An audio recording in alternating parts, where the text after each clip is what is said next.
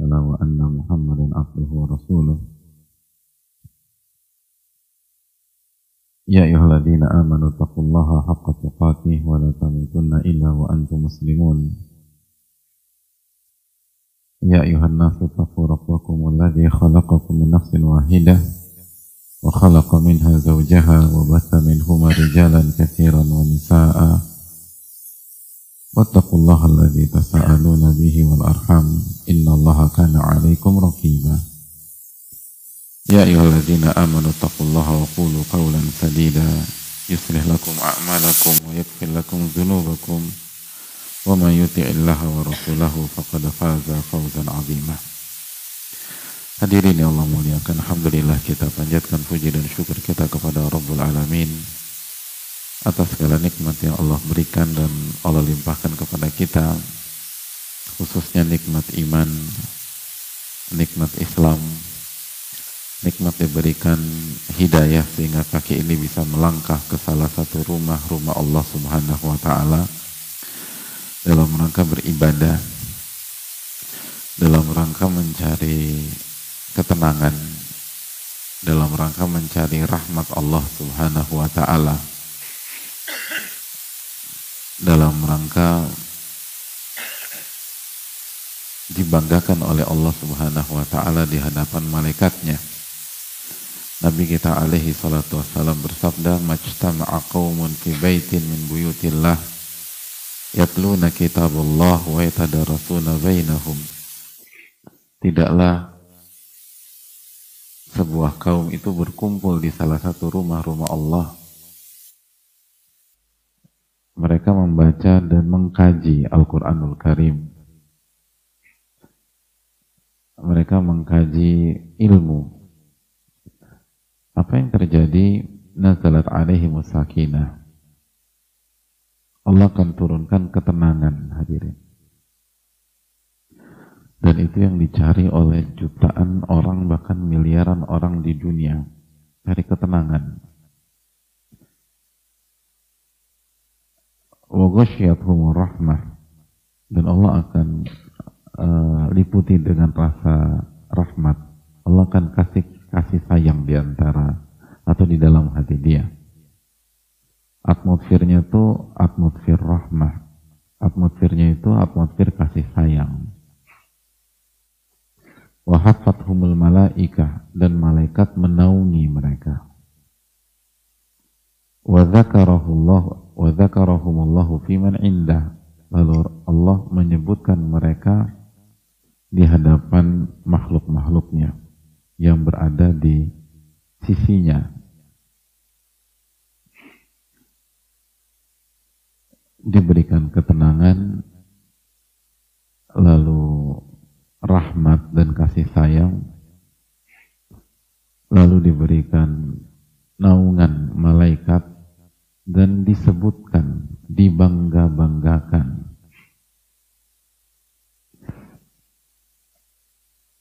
Kalau nama kita disebutkan di sebuah kementerian bagaimana perasaan kita hadir? Kalau nama kita disebutkan di istana gimana perasaan kita?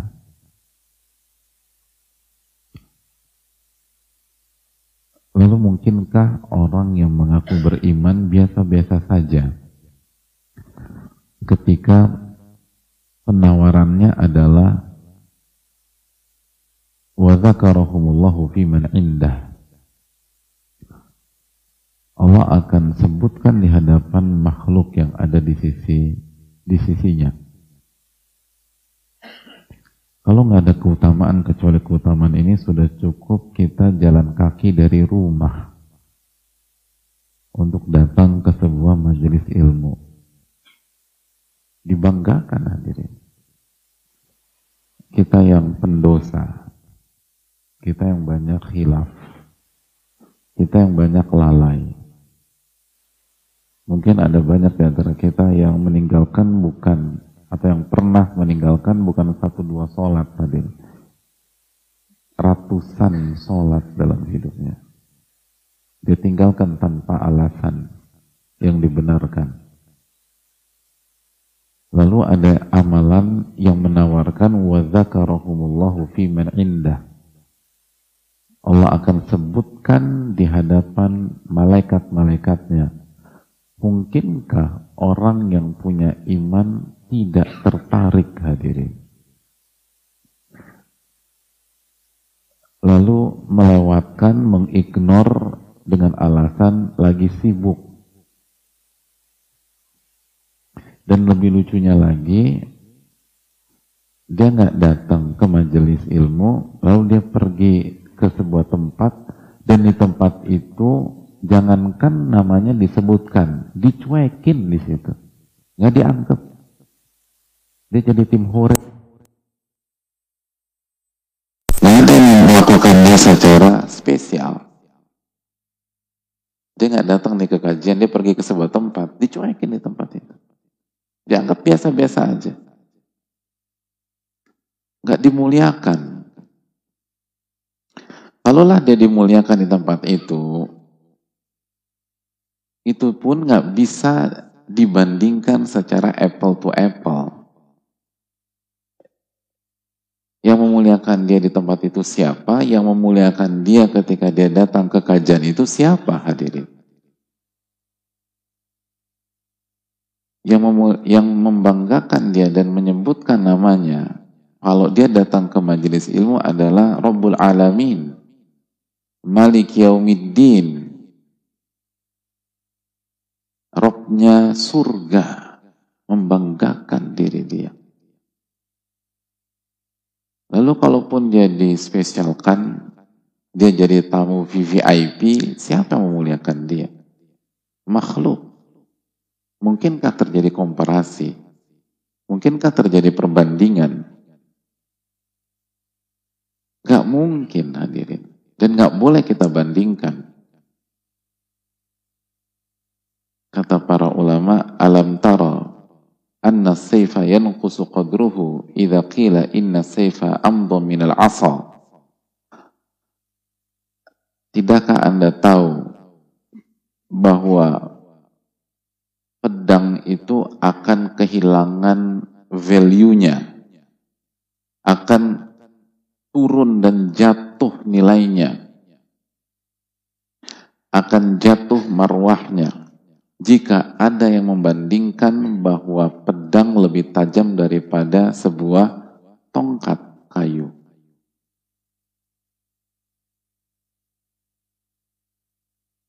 Bisa dipahami nggak dirinya? Enggak.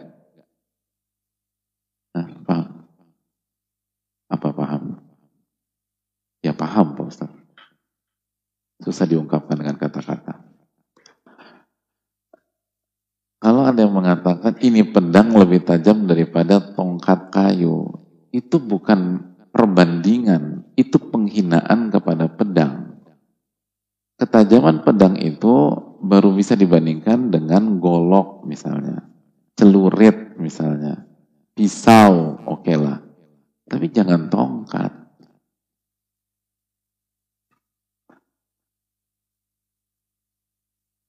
Gitu loh.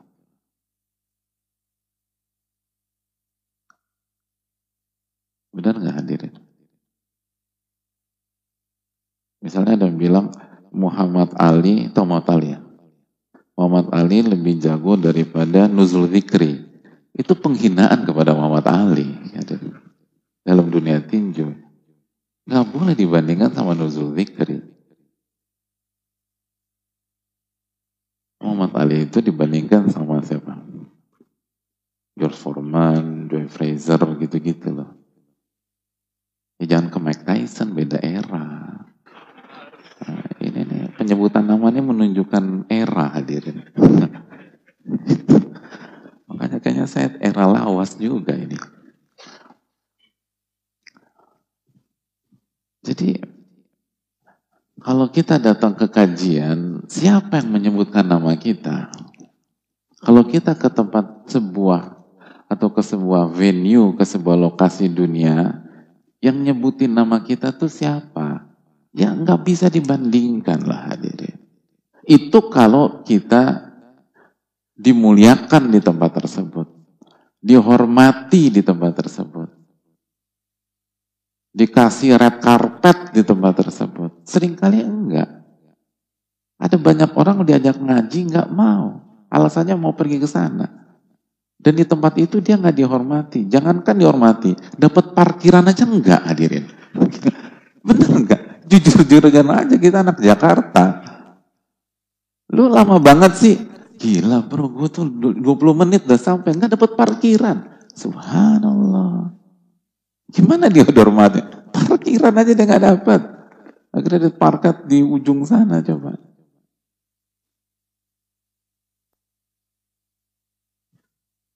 Cobalah kita renungkan hadirin. Kalau kita datang ke kajian, nazalat alaihi sakinah, ketenangan yang kita dapatkan. Wa humur rahmah dan rahmat Allah yang meliputi kita. Wa humul malaika dan malaikat yang menaungi kita. Dan Allah sebutkan kita di hadapan makhluk yang ada di sisinya. Oleh karena itu semoga Allah menerima amal ibadah kita dan semoga Allah memberikan kita ilmu nafi, ilmu yang bisa kita gunakan dalam kehidupan kita sehari-hari dan bermanfaat pada hari kiamat kelak. Amin ya rabbal alamin. Sebagaimana salawat dan salam semoga senantiasa tercurahkan kepada Rasulullah alaihi salatu wassalam. Beserta para keluarga, para sahabat dan orang-orang yang istiqamah berjalan di bawah naungan sunnah beliau sampai hari kiamat kelak. Hadirin Allah muliakan, kita sedang membahas tentang uh, ketamakan atau al-hirs. Ketamakan ambisius terhadap dunia dan sudah kita jelaskan bahwa ini adalah salah satu induk penyakit dan induk dosa induk penyakit dan induk dosa.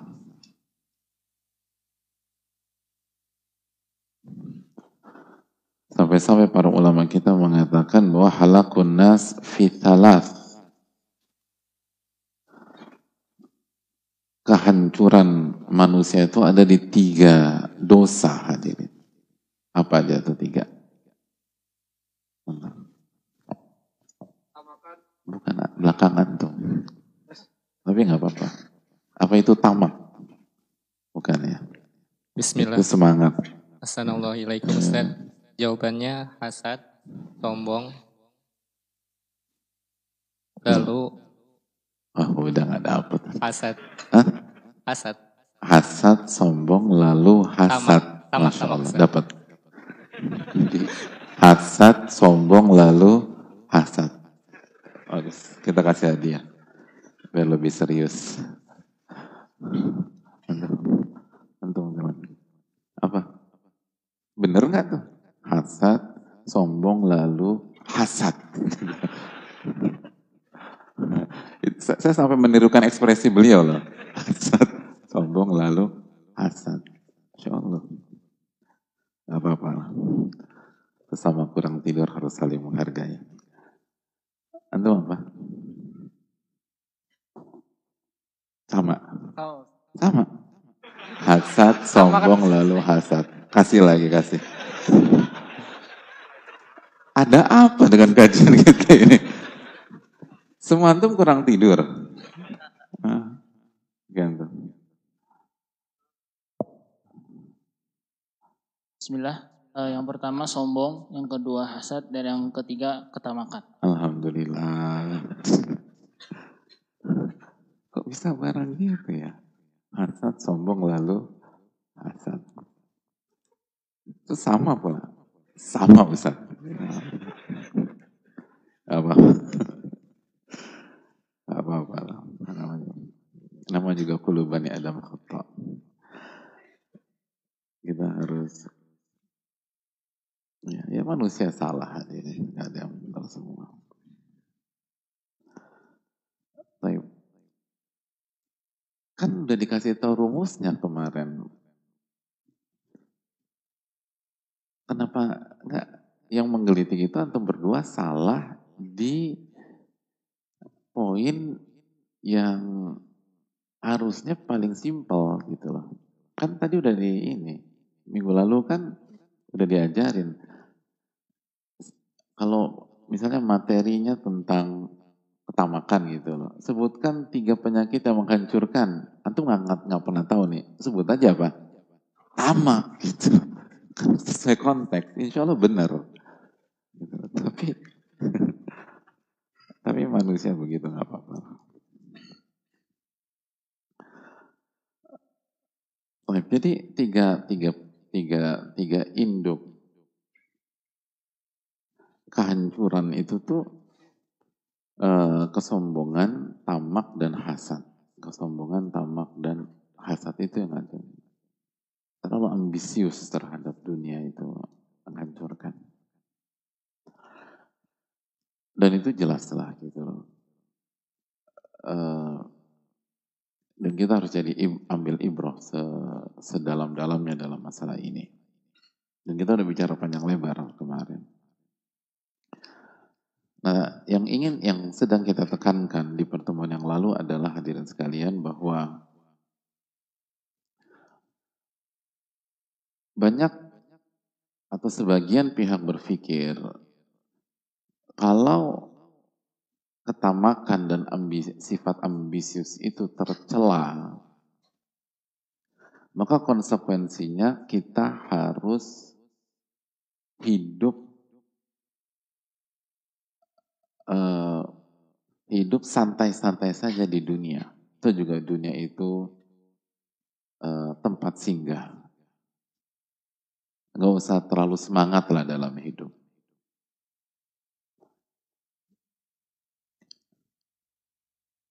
Sebagian akhirnya menjalin kehidupan itu dengan uh, pragmatis aja, udah. Pokoknya yang penting jaga sholat, selesai.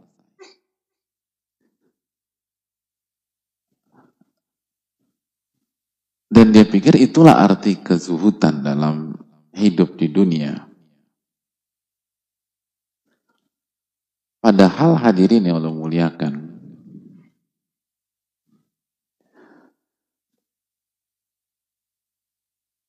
menghindari ketamakan atau tamak dan al-hirs itu bukan berarti kita tidak all out di dalam kehidupan.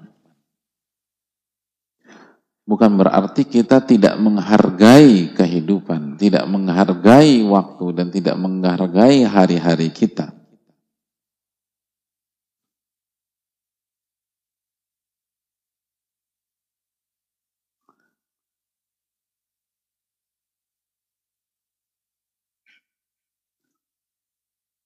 Bukan berarti kita begitu-begitu aja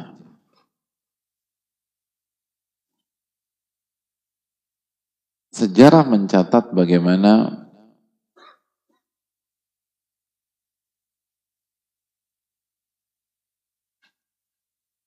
seorang yang memiliki catatan sejarah yang sangat indah. Nama besar Umar bin Abdul Aziz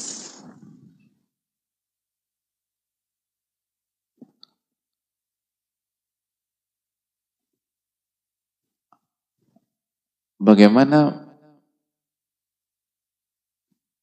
beliau menjelaskan kepada kita dengan sangat apik. Seharusnya seorang muslim dan mukmin itu bersikap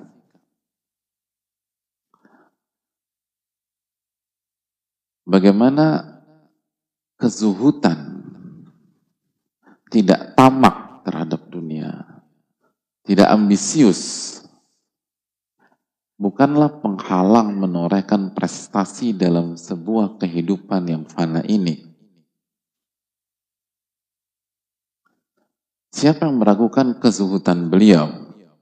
Malik bin Dinar rahimahullah ta'ala mengatakan, Inna mazahidu Umar bin Abdul Aziz. Orang yang zuhud itu adalah Umar bin Abdul Aziz. Bahkan Malik bin Dinar itu menggunakan innama hasar, hasar dalam ilmu balaghah. Karena orang yang zuhud itu hanya Umar bin Abdul Aziz itu bisa penekanan ya. Bukan berarti nggak ada yang zuhud kecuali beliau. Beliau berada di generasi para orang-orang soleh, generasi para ulama. Tapi untuk menekankan bagaimana beliau begitu zuhud. Itu sampai demikian hadirin Allah muliakan.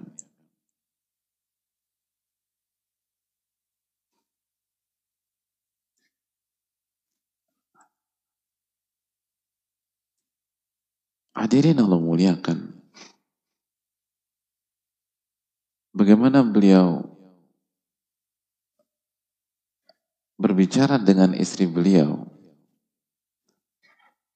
dan meminta istrinya untuk meletakkan seluruh hartanya ke baitul mal. Tapi pertanyaannya, apakah kezuhudan beliau membuat beliau hidup santai-santai. Tanpa ada effort, tanpa ada upaya, tanpa ada karya, tanpa ada torehan prestasi, enggak.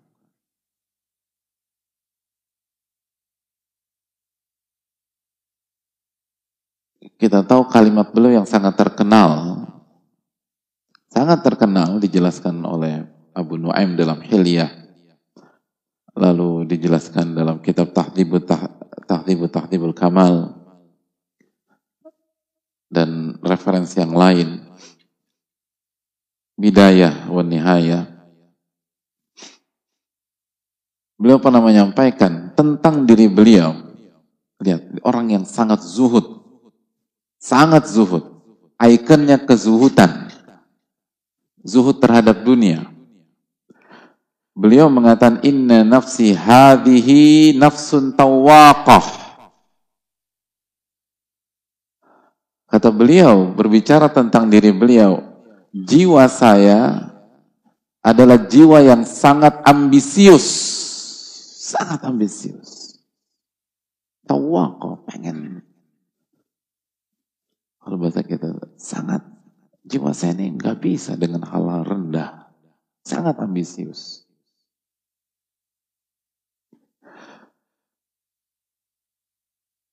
sangat ambisius.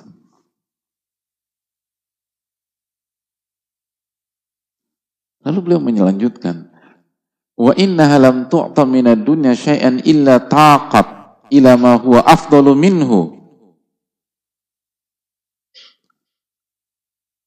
Kata beliau, tidaklah saya mendapatkan sesuatu dari dunia kecuali jiwa saya langsung mengincar level di atas pencapaian tersebut.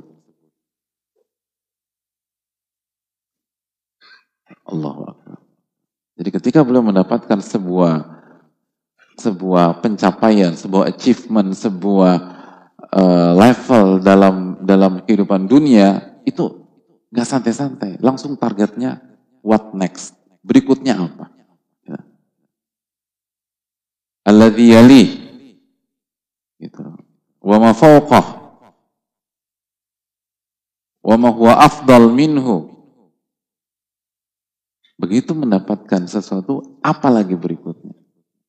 Begitu mendapatkan sesuatu, apa lagi berikutnya? Gak puas gitu. Udah cukup lah. Enggak, enggak, enggak.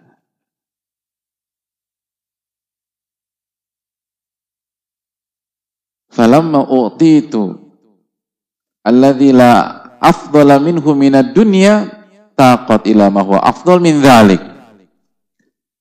Lihat karir beliau gitu. Naik dari gubernur, dari gubernur jadi khalifah. Beliau mengatakan ketika saya mendapatkan yang paling puncak, apa yang paling puncak? Khalifah, kekhalifahan. Orang nomor satu di dunia Islam. Puas? Enggak, kata beliau. Begitu saya mendapatkan posisi paling tinggi, jiwa saya langsung berpikir, saya mau di atas dari kedudukan tersebut. Allah Jadi kalau hari ini ada orang self reward, beliau nggak main self reward. Begitu dapat apa berikutnya? Begitu dapat apa berikutnya? Begitu dapat apa berikutnya? Udah bentok nih, tetap berpikir apa berikutnya.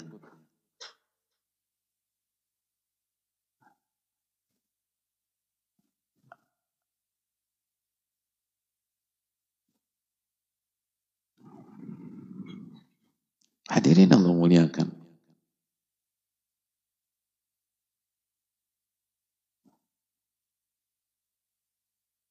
Di dalam diriwayatkan, beliau bicarakan hal ini kepada roja. Ada beberapa riwayat.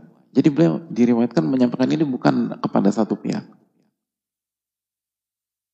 Di antara pihak yang mendengarkan hal tersebut,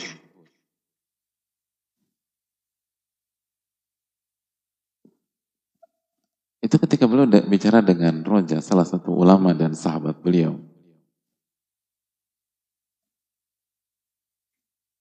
Kata kata beliau ke Roja, Inna nafsi atau innali nafsan tawaqah. Saya ini punya jiwa yang ambisius, saya Roja.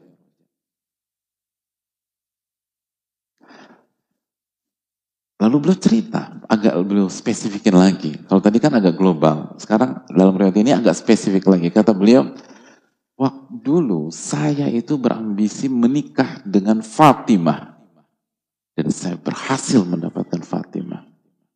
Allahu Akbar.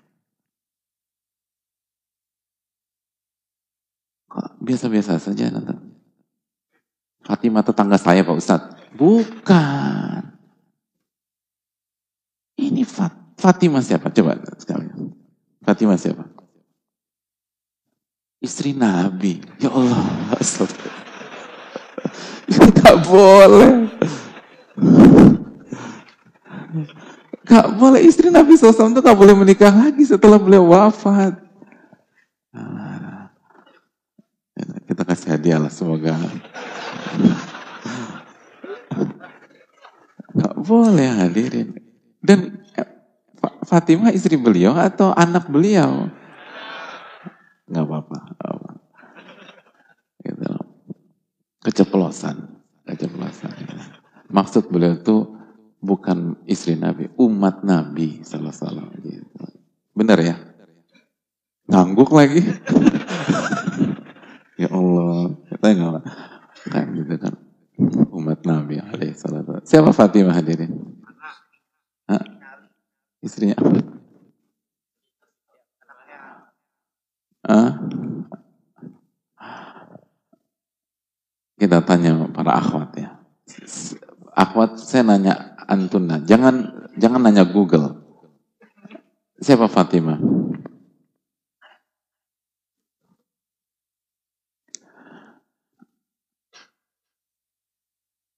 Hadirin, tahu Fatimah itu itu wanita yang sangat spesial.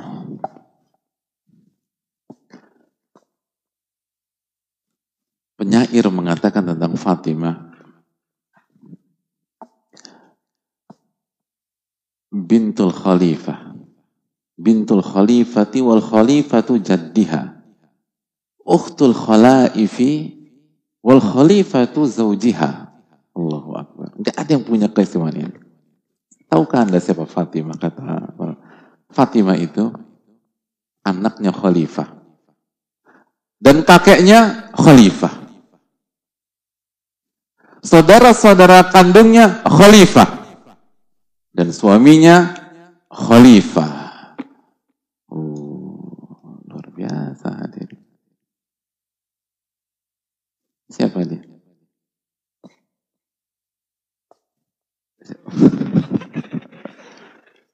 Semakin nggak jelas ini ya. Agar agak kita harus kembalikan lagi ke siratul mustaqim. Tambah lama tambah nggak jelas ini. Khalifah binti Abdul Malik bin Marwan. Anaknya Khalifah Abdul Malik. Kakeknya Khalifah Marwan. Saudara-saudaranya Khalifah. Siapa aja kak saudara-saudaranya? Bismillah. Hah? Tiba-tiba ada kayak ada penampakan begini ada. Siapa? Istri Umar bin Abdul Aziz. Iya. Kan tadi kita udah bilang, saya punya ambisi menikahi siapa? Fatima. Berhasil apa enggak? Berhasil. Pertanyaan siapa? Fatima. Jawabannya? Dapat hadiah. Saya nggak tahu ada apa dengan hadirin hari ini. Dari awal tuh ajaib ya. Mulai dari jawaban pertama loh. Kesombongan, hasad, lalu hasad. Ya Allah, hari ini tuh luar biasa ya. Ini pinter juga loh. Siapakah Fatimah? Istri dari Umar bin Abdul Aziz. Bener, maka dapat hadiah, bener ini. Enggak salah, enggak, tadi pertanyaan, sampai saya lupa pertanyaan saya apa? Apa pertanyaan saya tadi? Ah? Oh siapa saudara beliau? Hah? Yazid, Masya Allah. Terus siapa lagi? Dapat. Selain Yazid. Hah? Ahwat ada yang mau jawab Ustaz. Kenapa? Oh iya, siapa?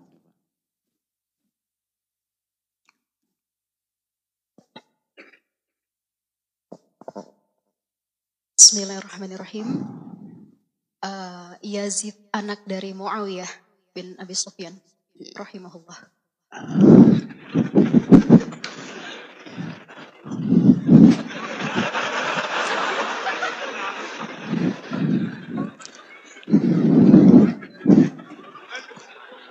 Oh, maksud anak keturunan dari Muawiyah Ustaz dari ya, ya. Syam. Hadiahnya udah habis aja. Gini gini ya. Tadi saya udah bilang kan namanya siapa? Fatima binti siapa? Abdul Malik bin Marwan. Saudara kandungnya. Coba, ada yang punya stabilo? Punya? Atau bolpen merah? Punya?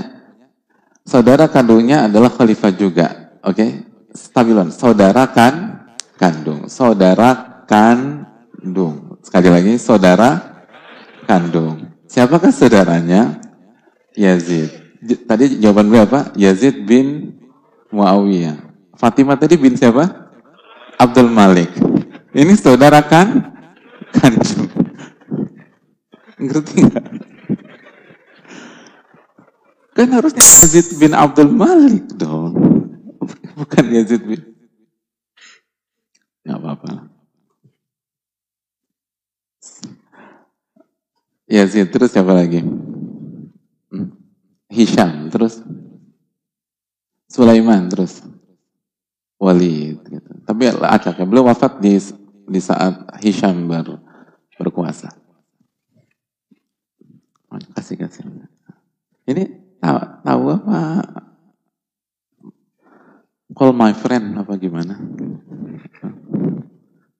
Empat menit. Siapa tadi?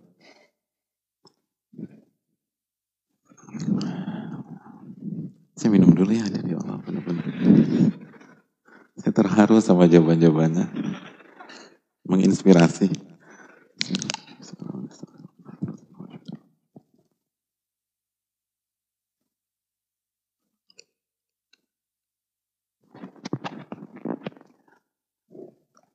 banyak kata para nggak ada yang seperti ini gitu nggak ada bintul khalifati wal khalifatu jaddiha ukhtul khalaifi wal khalifatu zaujiha gitu. disebutkan dalam sebuah bait. Anaknya khalifah cucunya khalifah saudara-saudara kandungnya khalifah suaminya khalifah. Lihat bagaimana ambisinya Umar bin Abdul Aziz. Bayangkan. Jadi beliau tuh beda sama kita. Gitu. Uh, pengen nikah sama siapa mas? Yang penting ada yang mau Pak Ustadz. Gitu. Udah gak ada harapan hadir. Kalau Umar enggak, saya mau Fatimah. Dan dapat hadirin. Saya mau Fatimah. Lihat orang punya mimpi besar. Zuhud. Zuhud nggak menghalangi. Ini orang ikonnya kezuhudan. Dan ini enak gitu loh. Jadi kita langsung ambil sampel nyata bukan teori lagi. Ini orang paling salah satu yang paling zuhud di dunia. Tapi bukan berarti tidak punya mimpi besar. Fatimah.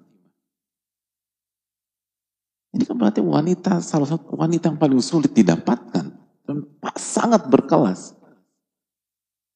Dan cantiknya luar biasa dan solehnya luar biasa. Oh Fatimah, ngimbangin suami sekali berumar bin Abdul Aziz kan susahnya minta ampun hadirin. Makanya dalam dalam beberapa keterangan itu bahasanya para ulama bukan hanya bukan hanya Fatimah ini wanita yang soleha, bukan hanya uh, baik, bukan hanya cantik, tapi bahasa mereka sobarot ma'ahu ala zuhdihi.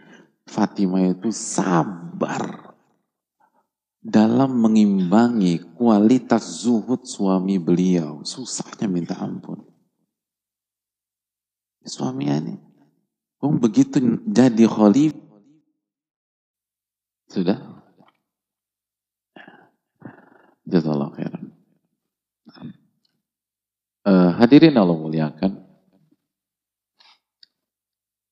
Sampai-sampai sebagian para ulama ketika menjelaskan beliau, ini sosok sabarnya luar biasa ngadepi apa mengimbangi Umar bin Abdul Aziz rahimahullahu taala. Bayangkan anak khalifah, cucu khalifah, saudarinya khalifah. Bagi nikah dengan Umar bin Aziz itu standarnya benar-benar itu kan bukan sembarangan wanita kayak begitu. Tapi bisa tuh ketika naik jadi khalifah, Umar mengatakan dalam riwayat, serahkan seluruh hartamu ke Baitul Mal. Serahkan. Dan diserahkan hadirin. Dan diriwayatkan ketika Umar bin Abdul Aziz wafat, itu ditawarkan kembali oleh saudaranya. Ini kan saudaranya khalifah. Bagaimana kalau hartamu kita kembalikan? Kata beliau, saya sudah berikan untuk Allah pantang saya terima lagi. Allahu Akbar. Istrinya Umar bin Abdul Aziz. Jadi kalau nyari pasangan tuh yang ini Umar bin Abdul Aziz. Semaksimal mungkin yang kita bisa. Itu nafsun tawakoh. Nafsun tawakoh. Bukan yang penting ada yang mau sama saya.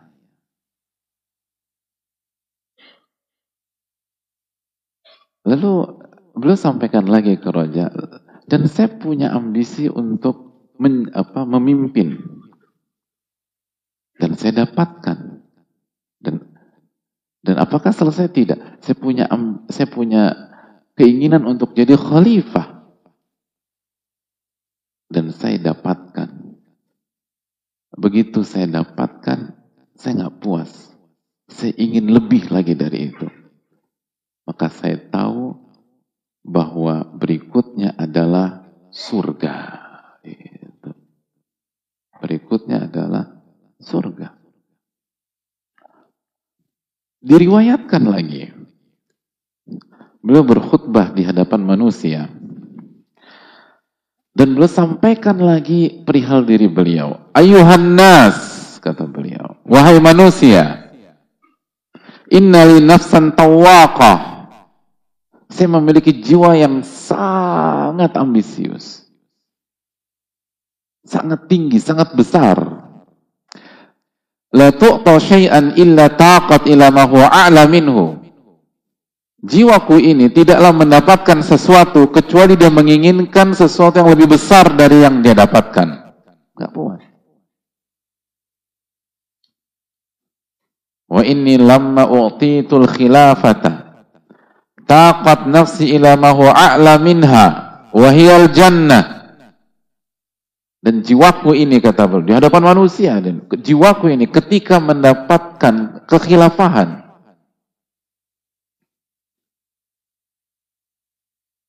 ia langsung menginginkan hal yang jauh lebih besar. Bayangkan. Nggak, nggak, nggak pesta-pesta, nggak. Langsung, saya ingin yang lebih besar. Wahyal jannah. Dan hal itu adalah surga. Surga. Fa'inuni alaiha yarhamukumullah. Maka bantulah aku, wahai rakyatku, Semoga Allah merahmati kalian semua. Allahu Akbar. Tolong bantu saya untuk masuk surga. Tidak ada kontradiksi hadirin. Gak ada kontradiksi.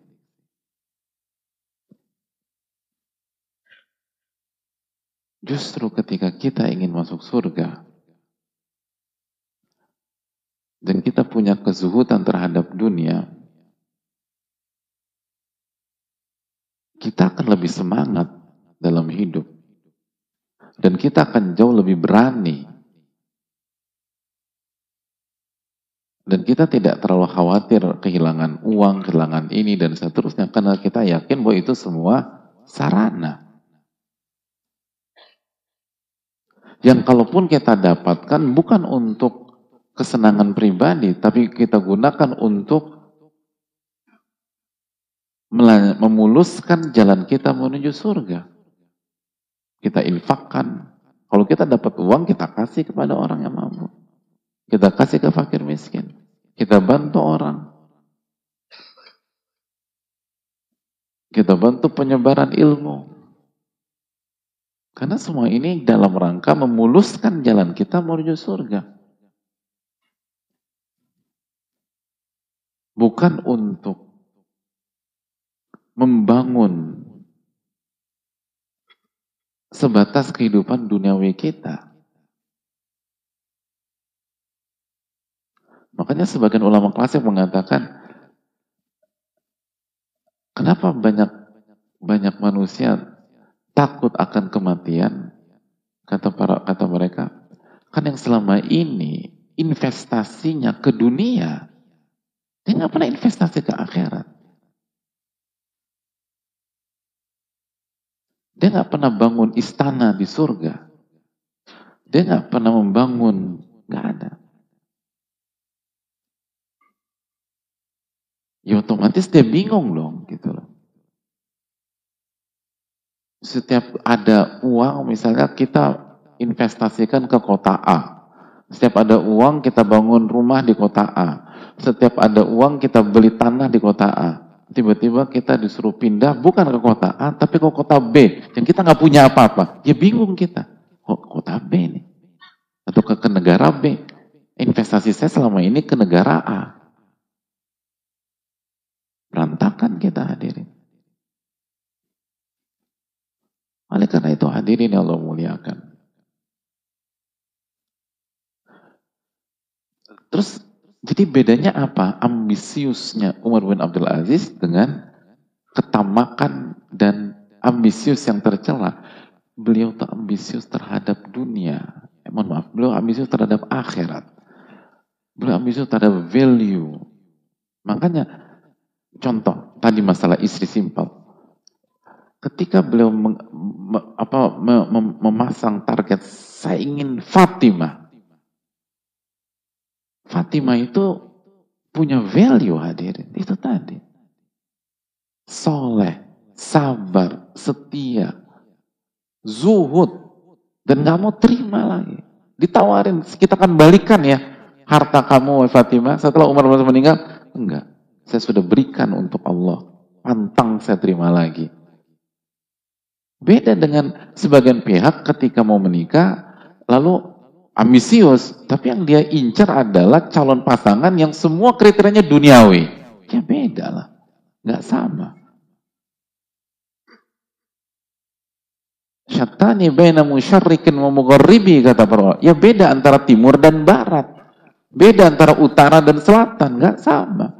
Sama-sama ambisius, tapi ini ambisiusnya ke akhirat, ini ambisiusnya ke dunia. Dan itu dibuktikan dengan siapa yang dia pilih dan bagaimana dia menggunakan waktu dan kehidupannya.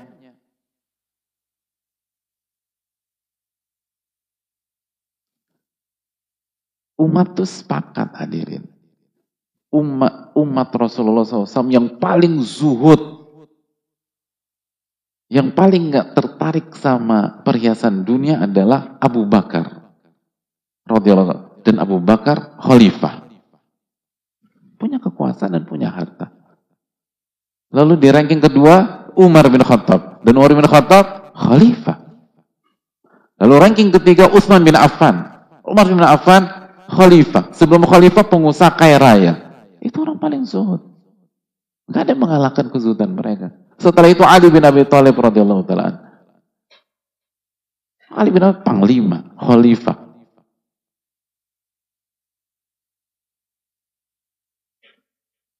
Jangan salah paham. Makanya salah satu yang disayangkan.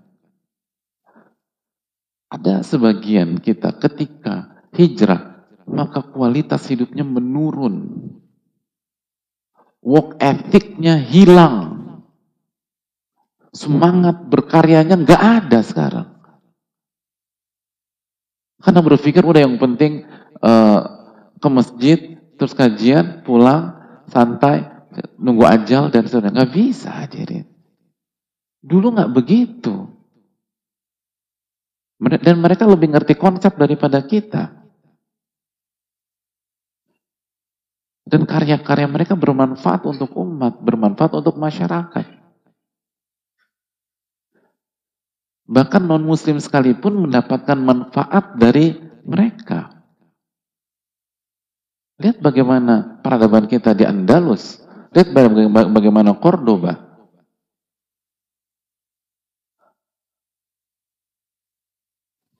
Peradaban yang berkelas hadirin sekalian.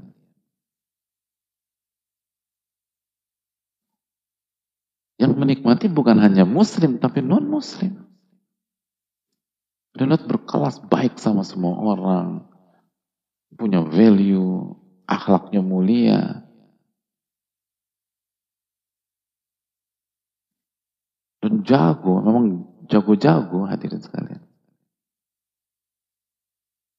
Jadi tidak apa tidak tamak dan tidak punya ambisi terhadap dunia, itu maksudnya sebagai tujuan.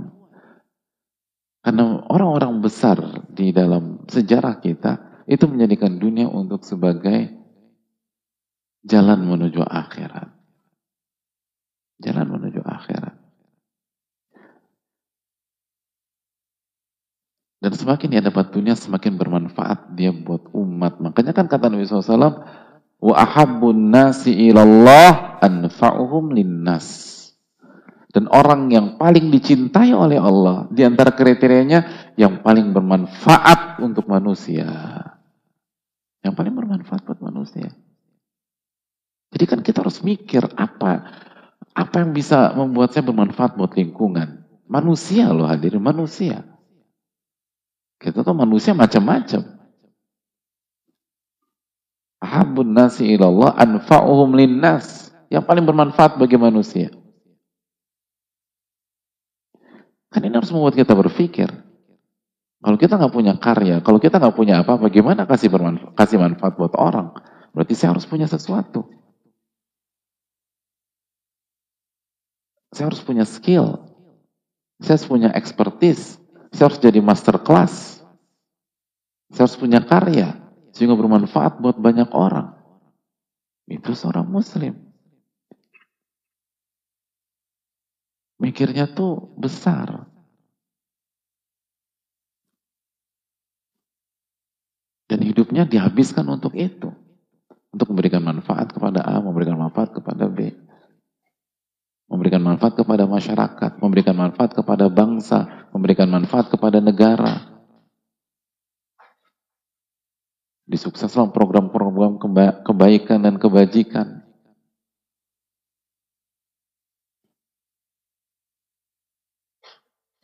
Bukan sibuk dengan dirinya sendiri dan egois dengan dirinya sendiri. Itu beda. Makanya orang-orang yang ambisius terhadap dunia itu kalau kita dengan dengan ambisiusnya Umar bin Abdul Aziz. Itu bedanya di antaranya apa? Kalau kalau ambisius dunia yang tercela, dia akan sibuk dengan dirinya sendiri. Gitu.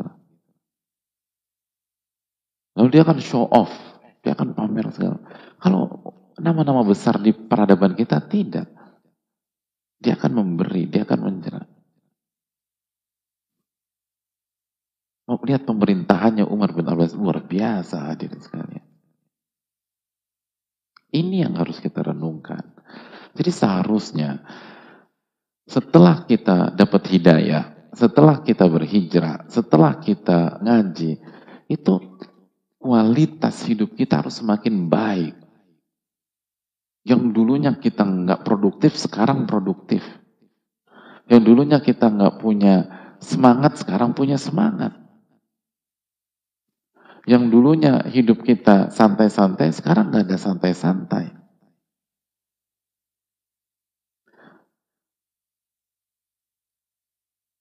hidupnya berjuang untuk kebaikan.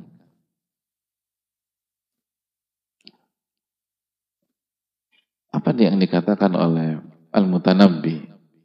Sebuah kaidah besar dalam kehidupan. Kata Ahmad bin Hussein, Al-Mutanabbi, wa idza kanatin nufusu kibara ta'ibat min muradihal ajsamu kalau jiwa itu besar, kalau Anda punya jiwa besar, ta'ibat fi muradiha al-ajsamu, maka fisik Anda akan letih, lelah, dan kerepotan dalam mengimbangi jiwa Anda itu. Ini kaidah dalam kehidupan hadirin. Kalau jiwa Anda besar, itu yang pertama, di antara yang pertama kali merasakan dampaknya itu jasad Anda, fisik Anda. Jasad Anda itu kerepotan, pontang panting mengimbangi jiwa besar Anda itu. Gak ada, gak ada jasadnya orang-orang beriman tuh santai tuh gak ada. Cuma kita lihat nama-nama besar, gak ada. Lihat para sahabat, gak ada. Lihat Nabi kita alaihi salatu wassalam. Emang santai-santai. Karena mentang-mentang udah pasti masuk surga. Dijanji, dijanjikan pertolongan oleh Allah di dunia dan di akhirat. Apakah jal apa kehidupan beliau adalah kehidupan yang santai, yang yang apa, yang rebahan, ya kongko, yang ngobrol-ngobrol, ya ini dan seterusnya.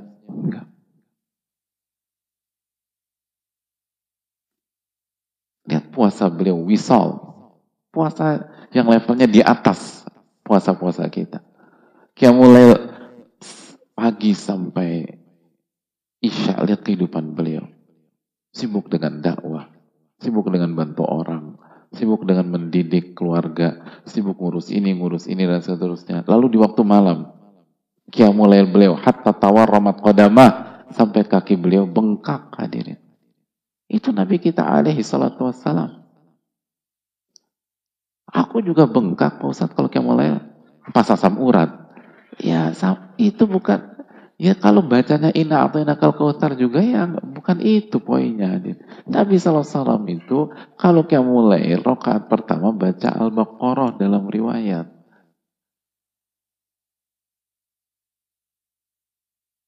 Dan bukan sampai ayat kelima ruku seperti kita. Itu sampai selesai hadirin sekalian. Sampai la yukalifullahu nafsan illa usaha. Ruku enggak. Lalu masuk ke An-Nisa. Sampai selesai. Ruku enggak. Masuk ke Ali Imran. Baru beliau ruku setelah membaca ayat Ya ayuhalladzina amanu sabiru wa sabiru wa rabitu wattaqullah la'allakum tuflihun. Ayat terakhir tiga surat terpanjang di dalam Al-Quranul Karim. Itu kehidupan, sosok manusia terbaik yang dijamin surga. Alaihi salatu wassalam. Lalu kok kita bisa santai-santai hadirin? Apakah begitu? Apakah begitu Pak Abu Bakar As-Siddiq? Apakah begitu Umar bin Khattab radhiyallahu taala? Harus semangat. Kalau dulu hidup tanpa arah aja kita semangat. Kok sekarang arahnya jelas kita lemes. Kita kehilangan energi. Males gitu.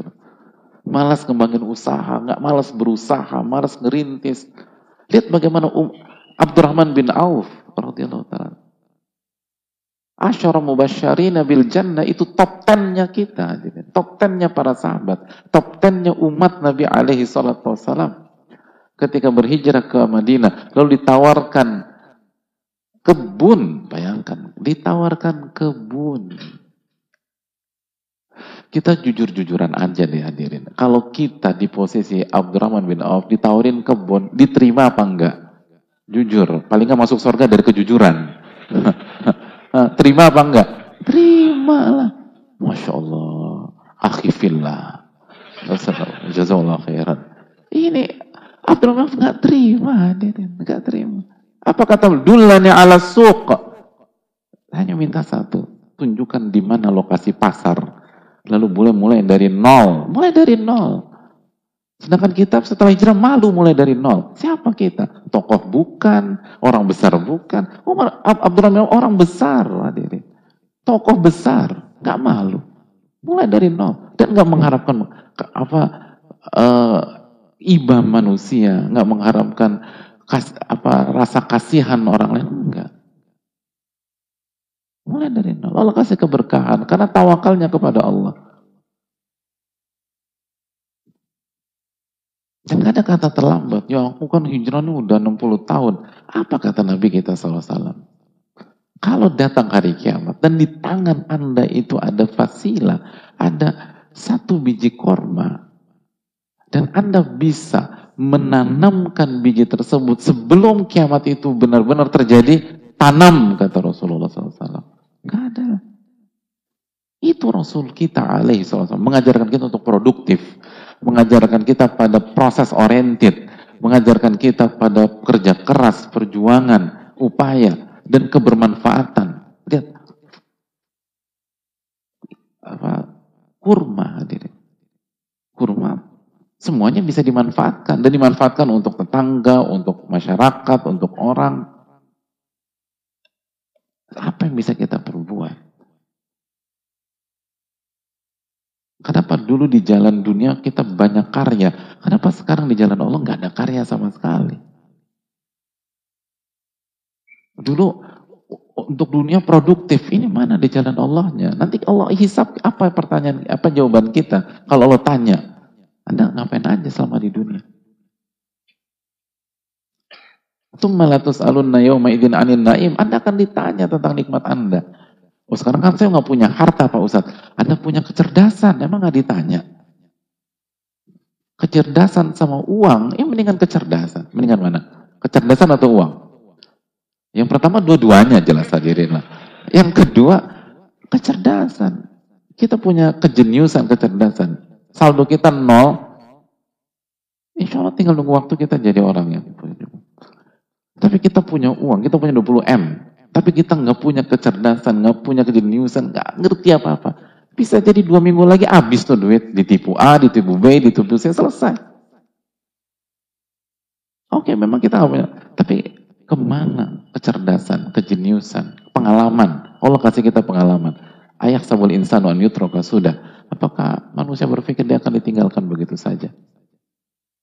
Ini yang bisa disampaikan. Kita akan lanjutkan pada salat maghrib. Wassalamualaikum ala nabiyina Muhammad. Assalamualaikum warahmatullahi wabarakatuh.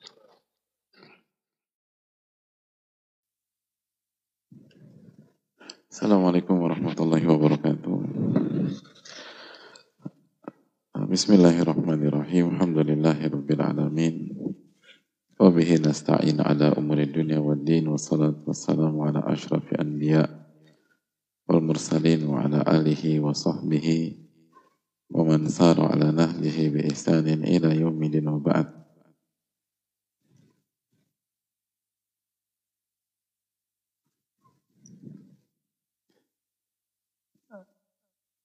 Hadirin Allah muliakan, Alhamdulillah kita bersyukur kepada Allah Subhanahu wa Ta'ala atas uh, nikmat yang Allah berikan sehingga kita bisa melanjutkan majelis kita dan semoga Allah terima sebagai amal soleh. Amin ya rabbal alamin. Uh, kita masih dalam membahas bagaimana mendudukan pembahasan tentang ketamakan dan ambisius yang terpuji dan tercela antara ambisius yang tercela dengan ambisius yang bermakna ulul himmah Eh, tekad yang tinggi, cita-cita yang tinggi.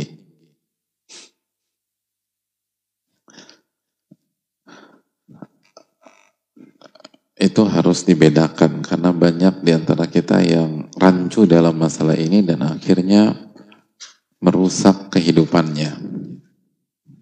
Merusak kehidupannya.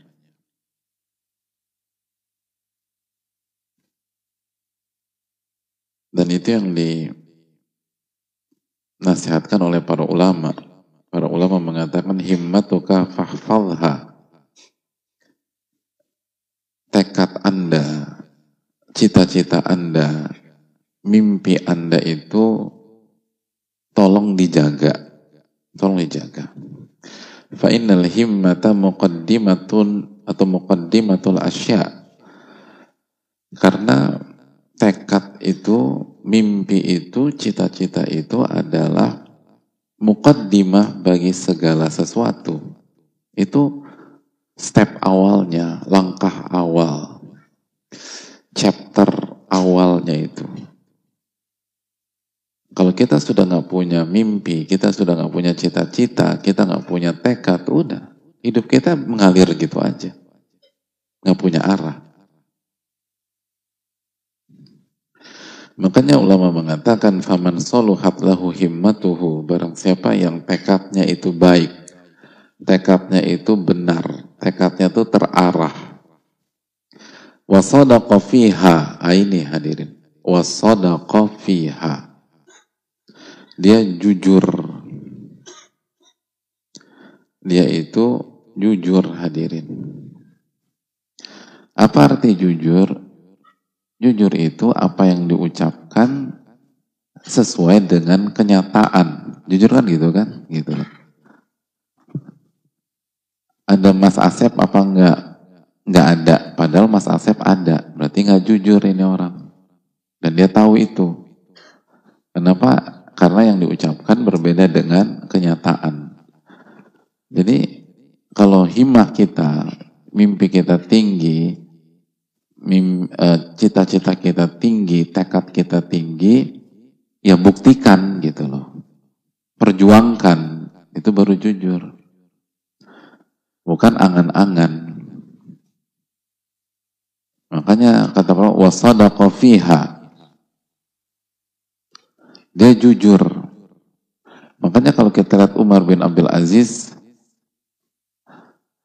ketika beliau punya jiwa yang penuh dengan ambisi, beliau jujur. Ketika beliau, misalnya tadi, beliau sampaikan, beliau punya ambisi nikah dengan Fatimah. Menurut hadirin sekalian, kalau sosok wanita seperti Fatimah, ayahnya khalifah, kakeknya khalifah, saudara-saudaranya khalifah, kira-kira piki apa enggak hadirin? Selektif apa asal gitu. Nyari suaminya dikocok gitu, keluar Umar gitu. Langsung nikah deh nikah. Atau dia punya standar yang tinggi juga. Gimana gimana? Standarnya di bawah apa tinggi? Tinggi lah. Kalaupun ada ini keluarganya nggak ada yang setuju nanti juga. Jadi kalau Umar bin Abdul nggak punya kualitas, nggak mungkin secara logis nggak ketemu sama Fatimah. Ya kalau anda ingin cari, ingin sampai puncak, ya anda harus mendaki. Dan semua konsekuensinya harus anda hadapi. Anda harus berjuang. Makanya soda fiha, jujur gitu loh. Buktikan. Makanya itu tadi. Kata Al-Mutanabi, kalau jiwa Anda besar, maka jasad Anda akan letih dalam mengimbangi jiwa Anda, capek. Ar-rahalatunalu birraha. Kenyamanan tidak bisa diraih dengan kenyamanan, hadirin. Kenyamanan tidak bisa diraih dengan kenyamanan. Artinya kalau kita ingin sampai ke tempat yang nyaman, dan tempat paling nyaman adalah surga, ya Anda harus berjuang. Wahufatil jannatu bil makari. Surga itu dikelilingi dengan hal-hal yang tidak mengenakan oleh nafsu sahabat kita. Yang, yang nafsu kita tuh nggak suka gitu loh. Capek, letih, lelah. Kata para ulama kita, mentabal ula sahiral layali. Barang siapa yang ingin sampai ke puncak, dia harus begadang. Artinya dia harus kerja keras. Man kanat bidayatuhu muhriqah, kanat nihayatuhu musyriqah. Kata Barang siapa yang fase awalnya terbakar, maka fase berikutnya dia akan bersinar gitu. Nah kita nggak mau menjalani fase awal pengennya langsung sukses itu masalahnya. Kalau kita ingin berhasil, ya kita harus kerja keras hadirin. Kita harus berjuang. Dan sirah Nabi SAW bukti dari ini semua. Bagaimana beliau berjuang di Mekah selama 13 tahun, bagaimana beliau uh, berhijrah, bagaimana beliau uh, muter dulu, lalu bersembunyi di atau transit dulu di Gua Thaur selama tiga malam, lalu turun, lalu berangkat ke Madinah. Memangnya Allah nggak bisa ngirim buruk gitu, sebagaimana beliau naik buruk ketika Isra Mi'raj. Kira-kira bisa nggak bagi Allah SWT? Waktu hijrah gitu, suruh naik, terus beliau tinggal lambai-lambaikan tangan, begini-begini gitu Saya pergi dulu ya, Assalamualaikum gitu. Kan bisa, dirin. Tapi kok bukan begitu ceritanya? Harus keluar dari malam hari, menaburkan debu dulu ke rumah Abu Bakar As-Siddiq, lalu dari rumah Abu Bakar naik ke Bukit Taur, capek, letih, lelah, lalu di sweeping, lalu mengumpat. Kenapa harus ada itu semua? Apa pesannya? Kalau itu yang harus dijalankan oleh manusia terbaik, mungkinkah kita mendapatkan keberhasilan begitu aja? Ke mana logika? Ke mana akal sehat? Lalu ke mana iman? Ini yang harus ditanamkan.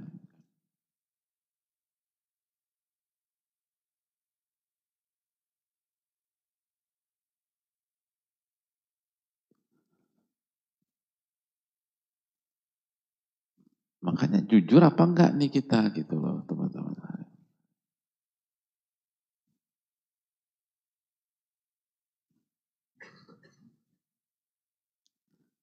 Gak bisa, harus kerja keras. Dan inilah fungsinya kita taubat. Inilah fungsinya kita berhijrah untuk merubah pola hidup kita, untuk merubah habit kita, untuk merubah kebiasaan-kebiasaan buruk kita, untuk merubah rasa malas kita, untuk merubah cara kerja kita. Harus berubah. Hidup itu bukan hanya senang-senang aja.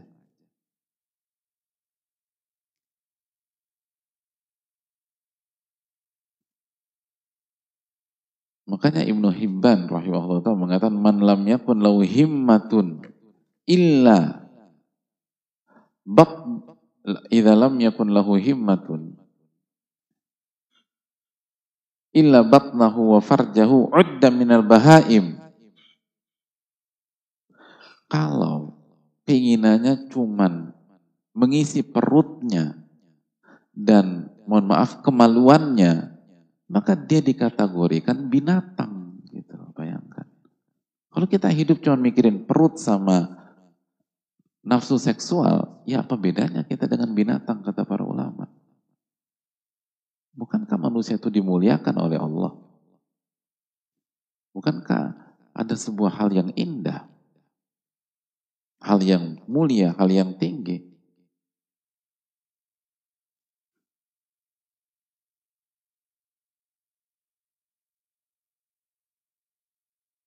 Dan itulah yang diinginkan oleh Rasulullah SAW dari kita. Dan itulah yang diinginkan oleh Allah Subhanahu Wa Taala dari kita. Innallaha yuhibbu ma'aliyal umur. Nabi kita SAW bersabda, sesungguhnya Allah mencintai hal-hal yang besar. Dan apa yang lebih besar daripada yang maha besar? Yaitu Allah Subhanahu wa taala. Makanya sekali lagi bedanya orang-orang beriman adalah apa yang dikatakan oleh Al-Imam Ibnu Hazm rahimahullahu taala dalam kitab beliau Al-Akhlaq Wasiyar. Kata beliau, La tabdhul nafsaka illa fima huwa a'la minha. Wa laysa dhalika illa fi dzatillahi azza wa jal.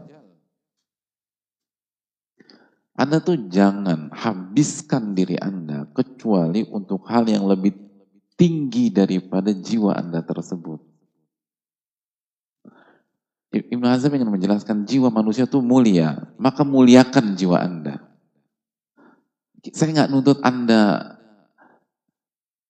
apa namanya eh, ke kanan, ke kiri. Saya hanya minta Anda muliakan diri Anda. Kan cukup fair dong gitu. Anda nggak usah kasih jiwa Anda ke kanan, Anda nggak perlu kasih jiwa Anda ke kiri, Anda cukup muliakan diri Anda. Itu kan jiwa Anda sendiri. Jiwa Anda kok. Dan ar arahannya, nasihatnya adalah muliakan diri diri Anda dan muliakan jiwa Anda. Nah, kalau Anda merasa jiwa Anda mulia, kalau Anda merasa jiwa Anda mulia, maka habiskan, gunakan untuk hal yang lebih berharga dan lebih tinggi dari itu. Dan tidak ada yang lebih tinggi daripada Al-Ali yang maha tinggi. Kalau Anda tukar diri Anda dan jiwa Anda dengan sebatas duniawi, bukankah Nabi SAW bersabda, Ad-dunya mal'unah, dunia itu tercela, terlaknat, mohon maaf. Bukankah Nabi kita SAW bersabda, "Lau kanatid dunya ta'dilu indallahi janaha ba'udha ma saqat kafiran syurbata ma." Apabila dunia itu seharga dan senilai dengan salah satu sayap nyamuk di sisi Allah, maka orang yang tidak beriman tidak akan Allah berikan minum. Artinya mereka bisa minum, bisa makan, pada mereka nggak beriman kepada Allah, pada mereka kufur kepada Allah, itu menunjukkan bahwa dunia itu nggak ada artinya.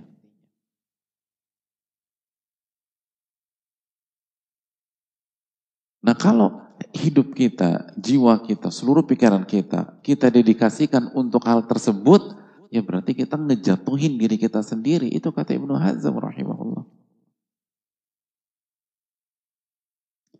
Kalau kita yakin bahwa diri kita punya nilai, punya value, punya kehormatan, maka jangan digunakan kecuali untuk yang maha mulia.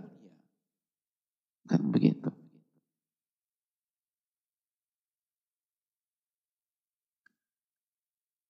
Kan demikian. Hadirin punya mobil harga 500 juta. Kira-kira mau nggak ditukar dengan mobil yang harganya 100 juta? Kan nggak mau. Bahkan kita ngomel-ngomel. Kata kita, lo anggap apa mobil gua? Mobil gua 500 juta nih. Gua ditukar sama 100 juta. Logika sederhana, ketika kita punya mobil 500 juta, kita pengen ditukar pakai mobil harga berapa? Hmm? Ah, Pengen ditukar Pak dengan mobil yang harga berapa? Ya lo rendah banget. Ini kan contoh. Nggak bayar. Kenapa nggak ada yang nyebut 15 M, Ustadz? Kenapa semua 1 M, 1 M, 1 M? Kan pertanyaannya jelas ya. Kalau kita punya mobil 500 juta, pengennya ditukar dengan mobil harga berapa? Ya sebut aja 70 M. Ih, bener gak sih? Ini berarti mentalitasnya belum tinggi nih loh. Kok Pengen itu ke mobil apa? 1 M. Kenapa 1 M? Kenapa nggak bilang 70 M?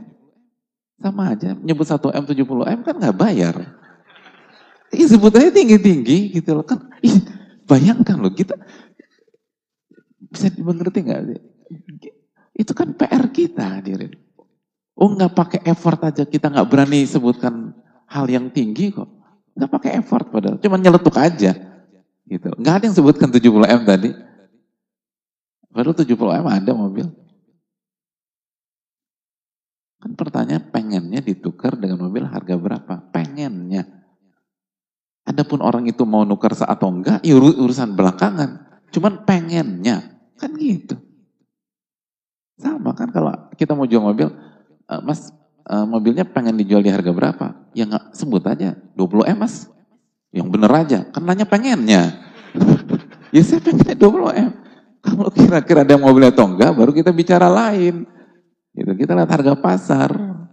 Kan kalau ditanya pengennya sebut aja tinggi-tinggi. Kan mentalitas tinggi itu penting hadirin. Ya itu, makanya bedanya Umar bin Abdullah sama kita ya begitu. Gitu. Makanya banyak dari kita jomblo terus itu loh, nggak dapat Fatimah itu loh. Karena ah nggak mungkin Pak Ustadz, nggak mungkin lah, udah nggak mungkin duluan. Lihat Abdullah, Fatimah gitu. Dapat dengan taufik Allah Subhanahu wa. Kita belum apa-apa udah gak mungkin. Kita sampai mana? Gara-gara mobil lupa deh hadir. Nah, itu kata Al-Imam Ibnu Hazm rahimahullah. Kalau kita menghargai diri kita, makanya sebenarnya kita yang merendahkan diri kita sendiri hadirin. Dengan menukarnya dengan hal-hal yang receh, hal-hal yang rendah, hal-hal yang hina. Dan kita nggak bicara orang lain, kita bicara diri kita nih. Termasuk yang bicara. Kita sering kali menukar waktu kita, diri kita. Waktu itu kan diri hadir. Masih ingat nasihat dari Al Hasan Al Basri? Anta ayam atau ayuhana an, antal ayam. Engkau tuh hari-harimu. Hari-harimu tuh dirimu sendiri. Setiap hari itu berakhir, maka sebagian dari darimu tuh hilang. Sampai hari kematianmu selesai sudah. Lagi. Kalau kita memang berkelas dengan value yang sesungguhnya, value keimanan, value ketakwaan, maka kita hanya mau menggunakan diri ini untuk hal-hal yang mulia. Dan tidak ada yang lebih mulia dari mencari ridho yang maha mulia. Tidak ada yang lebih tinggi daripada mencari ridho yang maha tinggi. Al-Ali, Al-Aziz, Al-Karim. Allah tabaraka wa ta'ala. Maka pertanyaannya apa yang sudah kita lakukan? Kecuali kalau kita mau mereceh terus. Itu apa bedanya kita dengan binatang kata para ulama?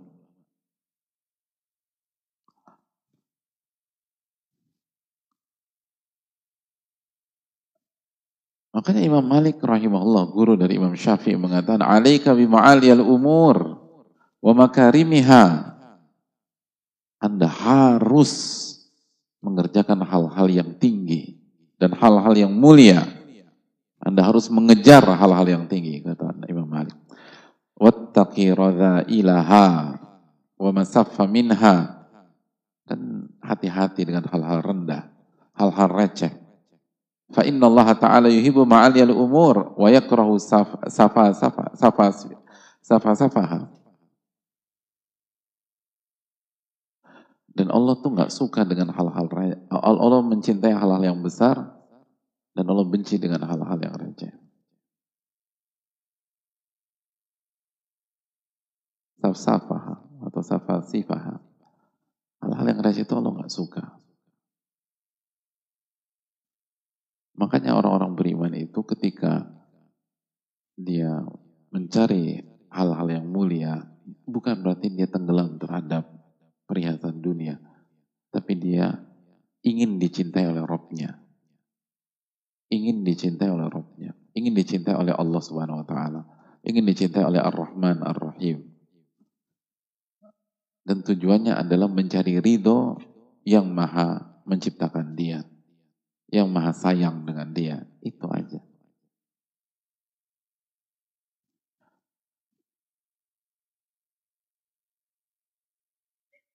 Dan apa yang diucapkan oleh Ibnu Hazm pun diucapkan oleh Ibnu Qayyim rahimahullah. Kata Ibnu Qayyim, An-nufusus syarifah jiwa yang mulia. La tarda minal asyai illa bi'a'laha. Dia tidak akan ridho dengan dengan segala sesuatu kecuali yang paling tinggi. Illa bi'a'laha wa afdaliha wa ahmadiha akibatan. Dia nggak akan mau, dia nggak akan ridho kecuali dengan yang paling tinggi, yang paling afdol, yang paling terpuji di endingnya. Dia nggak akan mau. Unufusu dani'ah. Adapun jiwa yang rendah, dia hanya bermain dengan hal-hal yang rendah. Wa taqa'u 'alaiha kama 'alal aqdar. Dalam di ucapan Ibnu. Dan dia bermain dengan hal-hal yang kotor tersebut sebagaimana lalat itu hinggap di tempat-tempat yang kotor. Nauzubillah, teman nauzubillah. Lihat bagaimana dan itu kan kalau kita lihat hadirin sekalian, lihat bagaimana Allah menginginkan kita bermain di level itu. Lihat Allah Subhanahu wa taala memilihkan buat hadirin sekalian bukan sebatas, bukan berhenti sampai seorang nabi dan rasul. Tapi Allah Subhanahu wa taala pilihkan buat hadirin sekalian nabi terbaik. Sallallahu alaihi wasallam. Rasul terbaik sallallahu alaihi wasallam.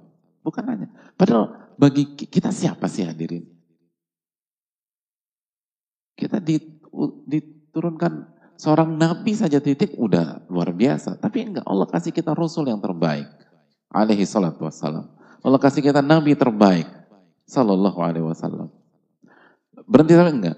Lalu Allah turunkan kitab suci terbaik. Bukan hanya sebatas kitab suci. Kalau sudah kitab suci itu cukup. Tapi kitab suci terbaik. Al-Quranul Karim. Kitab suci terbaik. Kitab suci terbaik. Lalu setelah Nabi kita SAW, kita diperintahkan meneladani generasi terbaik. Surat At-Taubah ayat 100 wasabiqun al-awwalun minal muhajirin wal ansar walladzina taba'uhum bi ihsan radhiyallahu anhum wa radu'an dan orang-orang pertama kali masuk Islam dari muhajirin dan ansar dan orang-orang mengikuti mereka, lihat mengikuti mereka dengan baik. Allah ridho kepada mereka dan mereka ridho kepada Allah. Siapa para sahabat? Nabi SAW bersabda tentang para sahabat. Khairun nasi qarni. Sebaik-baik manusia adalah generasiku. Thummaladzina yalunahum. Lalu generasi berikutnya, lalu generasi berikutnya.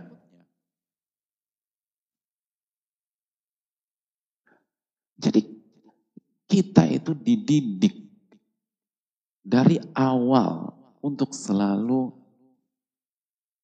bercita-cita yang terbaik, bermain dengan yang terbaik, belajar dari yang terbaik. Jadi play with the best itu tuh konsep kita hadirin. Kenapa kita disuruh ngikutin generasi para sahabat? Bukan generasi A, generasi B, generasi Kenapa? Itu yang terbaik. Itu yang terbaik.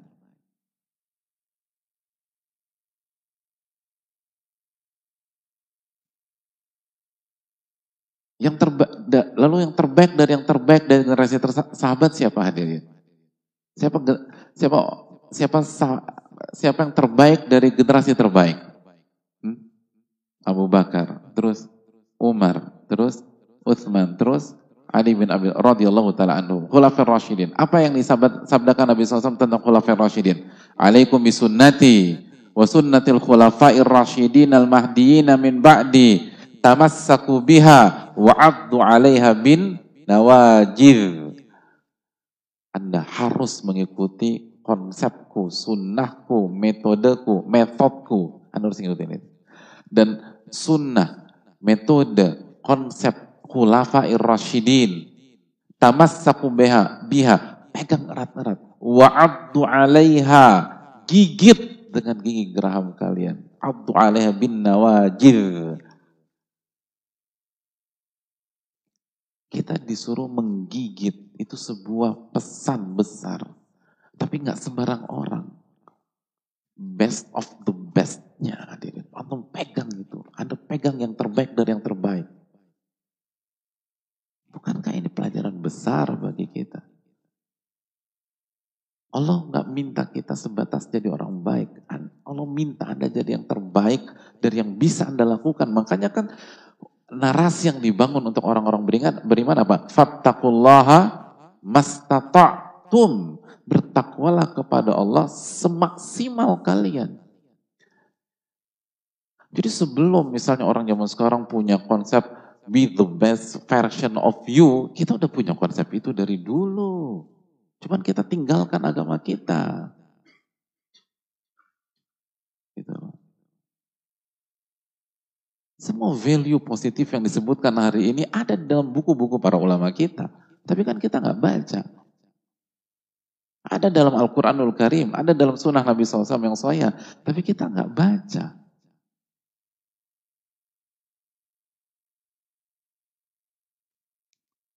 Akhirnya kita terbelakang. Lalu ditambah lagi kesalahpahaman kita terhadap ketamakan. Sehingga kita nggak produktif dalam hidup. Padahal jelas-jelas Allah Subhanahu wa taala menginginkan yuhibu ma'aliyal umur. Allah tuh ingin hal-hal besar. Dan hak dan yang paling besar adalah yang maha besar. Al-Azim, Al-Jabbar, Ar-Rahman, Ar-Rahim. Kan begitu hadirin.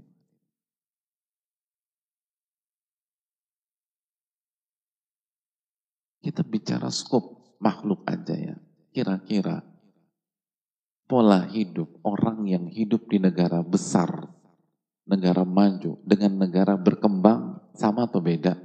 Beda. Work ethicnya beda. Orang yang hidup di, di negara besar dan di negara kecil terbelakang, itu beda. Lalu bagaimana dengan orang-orang yang beriman dengan yang maha besar? Yang maha mulia, yang yang maha dermawan, yang maha pengasih, yang maha baik. Mungkinkah tidak ada pengaruhnya pada kehidupannya, pada mimpinya, pada cita-citanya, dan pada pola kehidupannya? Ini PR besar buat kita hadirin. Ya Allah, muliakan. Oleh karena itu, mintalah terus pertolongan kepada Allah dan hargai diri kita. Laqad khalaqnal insana fi fi ahsani taqwim. Allah telah kami telah menciptakan manusia dengan sebaik-baik bentuk. Manusia ini makhluk yang luar biasa. Tapi kita menjatuhkan diri kita sendiri. Coba hargai diri kita. Dengan bermain di level tertinggi. Dengan mencari yang maha tinggi Sebagaimana analogi tadi. Ketika ada orang, gitu, ada orang menawar mobil kita yang harganya 500 juta tadi dengan mobil dia tuker tak tuker deh gitu dengan mobil harganya 100 juta itu menghina kita. Tapi lucunya kita gampang tersinggung dengan orang lain, tapi kita nggak mengintrospeksi diri kita. Selama ini mungkin puluhan tahun kita merendahkan diri kita sendiri hadirin. Dengan bermain rendah. Dan kita santai-santai aja. Bahkan kita tersinggung kalau ada orang nasihatin kita. Untuk ingat kepada yang maha tinggi. Untuk ingat kepada yang maha mulia. Jadi satu dua orang bersikap sesederhana itu kita bisa baper. Tapi kita menghina diri kita sendiri, itu dan bukan itu bukan satu kali, bukan dua kali, bukan tiga kali, bertahun-tahun kita menghina diri kita sendiri. Dengan cara pola hidup kita, dengan cara tidak menghargai waktu kita. Jangankan menghargai waktu orang lain, waktu kita kita nggak hargai hadir. Kita nggak menghargai jiwa kita. Kita kasih asupan yang buruk-buruk gitu. Asupan yang buruk-buruk. Kalau kita menghargai saluran pencernaan kita, tubuh kita dengan makan-makan bergizi gitu. Harus apa namanya? Uh, harus steril, nggak ada ini, nggak ada itu. Lalu gimana dengan jiwa? Bagaimana dengan kolbu kita? Gak banget nggak ada penghargaannya sama sekali. Fakta biru ya ulil albab. Allah ta'ala bisawab. Semoga bermanfaat. Dan semoga kita bisa meneladani para nama-nama besar dalam sejarah kita, di antaranya Umar bin Abdul Aziz. Kita buka sedikit waktu untuk sesi tanya jawab. Wassalamualaikum Muhammad.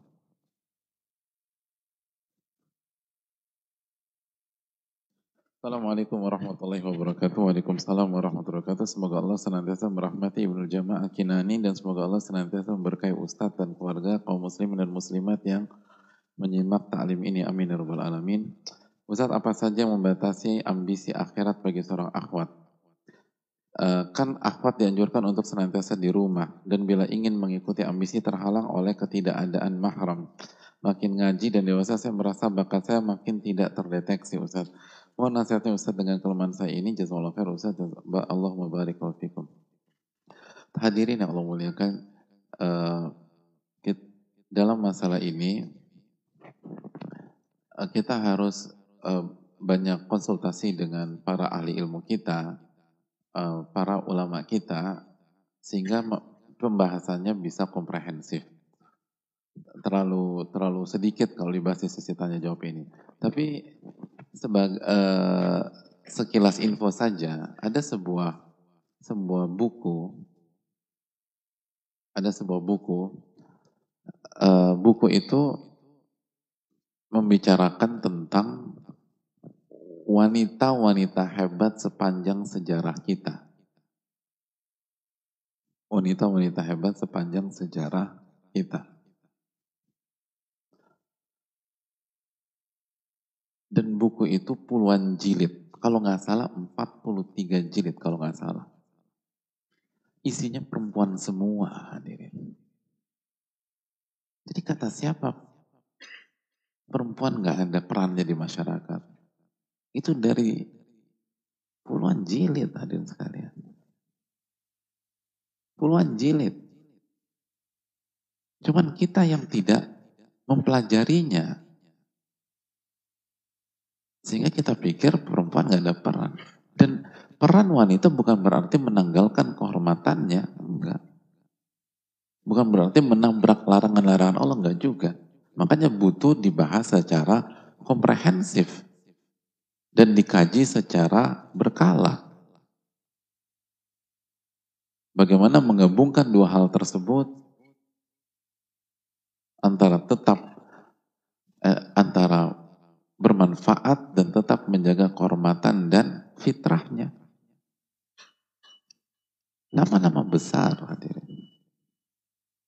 Jadi bukan satu dua nama.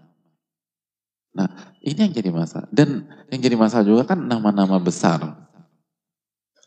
Yang kita tahu pun kita nggak tahu biografinya secara utuh. Dan bagaimana kehidupan wanita-wanita hebat pada zaman itu. Nah itu yang perlu dikaji secara komprehensif. Intinya adalah terus belajar, minta pertolongan sama Allah, lalu harus mengkaji secara secara utuh. Tapi sebagai gambaran di di forum uh, singkat ini itu tadi. Dan ada banyak nama. Kalau ini sesi tanya jawab, jadi kita nggak bisa ulas satu demi satu. Tapi kira-kira uh, buku tersebut bisa jadi gambaran lah. Kita punya bukan satu, bukan dua, bukan puluhan, bukan ratusan, ribuan nama-nama besar dari para wanita yang punya peran dan punya karya di tengah-tengah umat dan di masyarakat walau dalam Dan mereka nggak punya fasilitas sebagaimana sebagaimana kita hari ini. Mereka nggak punya fasilitas sebagaimana fasilitas pada hari ini. Jadi terus belajar dan itu akan terungkap satu demi satu. Walau ta'ala misal.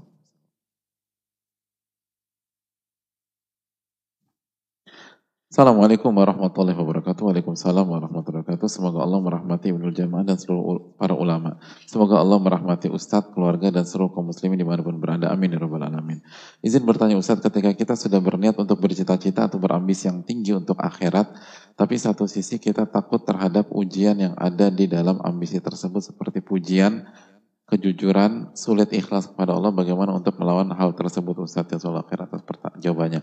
Ya, terima kasih atas pertanyaannya. Yang pertama, kita harus jujur. Makanya orang beriman itu, kan tadi kita sudah bahas hadis Nabi SAW. Dia ingin, dia punya cita-cita tinggi bukan untuk membuktikan dirinya di hadapan halayak. Dia ingin dia punya cita-cita tinggi untuk dicintai oleh Robnya. Untuk dicintai oleh Robnya karena Allah yuhibul ma'aliyal umur. Adapun dapat komplimen atau tidak itu nggak ada dari manusia itu bukan urusan dia.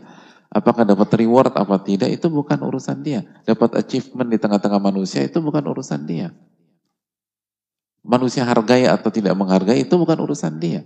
Yang penting rohnya cinta sama dia. Yang kedua, agar dia bisa menjawab pertanyaan Allah pada hari kiamat. Kita udah bahas pertemuan yang lalu. Untuk ibra'ul. Untuk menggugurkan kewajiban. Karena kita dikasih kecerdasan, kita dikasih kejeniusan misalnya, kita dikasih potensi. Thummalatus alunna yauma idin anin na'im. Dalam ayat yang kita hafal, dan, dan kalian pasti akan ditanya oleh Allah tentang seluruh nikmat yang Allah berikan kepada kalian. Gak mungkin nikmat kecerdasan gak ditanya. Gak mungkin nikmat fisik gak ditanya. Gak mungkin nikmat pengalaman gak ditanya. Itu nikmat besar. Pasti akan ditanya oleh Allah. Maka kita harus berpikir bagaimana menjawab pertanyaan Allah Ta'ala. Jadi nggak ada kaitannya untuk mendapatkan kedudukan di dunia, enggak.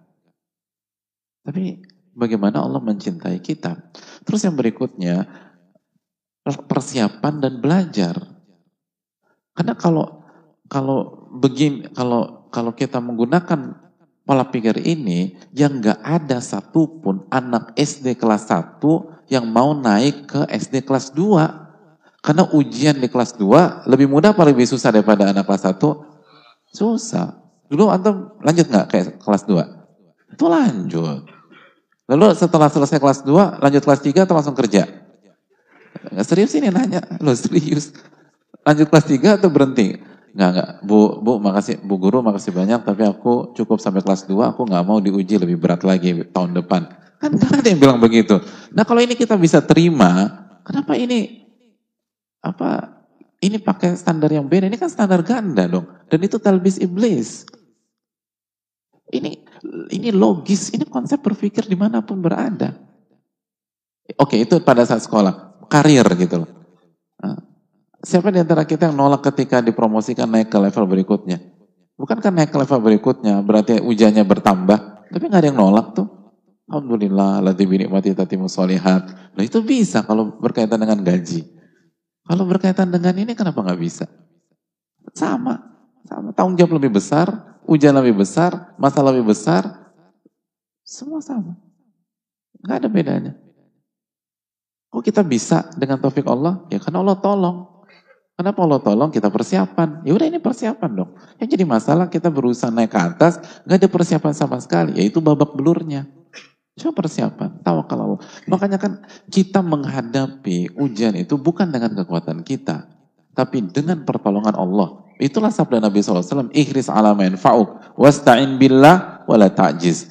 Bersungguh-sungguhlah dalam mengerjar apa yang bermanfaat bagi anda. Minta pertolongan kepada Allah, dan jangan lemah. Itu kata Nabi kita SAW. Minta pertolongan. Minta pertolongan. Kita nggak ngandalin kekuatan kita. Kita ngandalin kekuatan Allah. Kalau misalnya kita kita misalnya momok banget masuk kelas IPA gitu.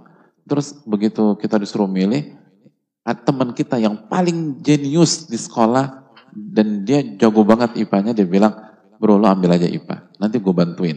Kira-kira kita ambil IPA nggak? Ambil, apalagi kalau dia bantuin sampai ulangannya dibantuin. Kita ambil gitu loh. Eh, kalau makhluk mau nolong kita kok kita semangat gitu loh. Tapi kalau Rasul kita SAW menjanjikan pertolongan Allah, kok kita down. Nabi SAW menjanjikan, Allah akan tolong Anda. Makanya tolonglah agama Allah. Intan surullah yang surukum. Jika kalian menolong agama Allah, Allah akan tolong kalian. Akdamakum dan Allah akan kokohkan kaki kalian. Ini yang bisa disampaikan jazakallahu khairan. Subhanakallah anta.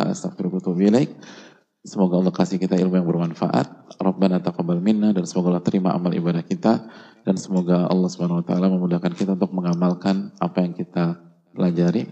Allahumma inna nas'aluka ilman nafi'an wa na'udzubika min ilmin la yanfa'. Allahumma 'allimna ma yanfa'una wanfa'na bima 'allamtana. Assalamualaikum warahmatullahi wabarakatuh.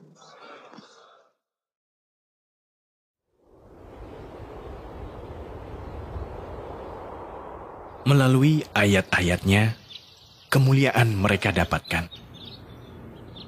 Mereka diangkat, lalu ditinggikan.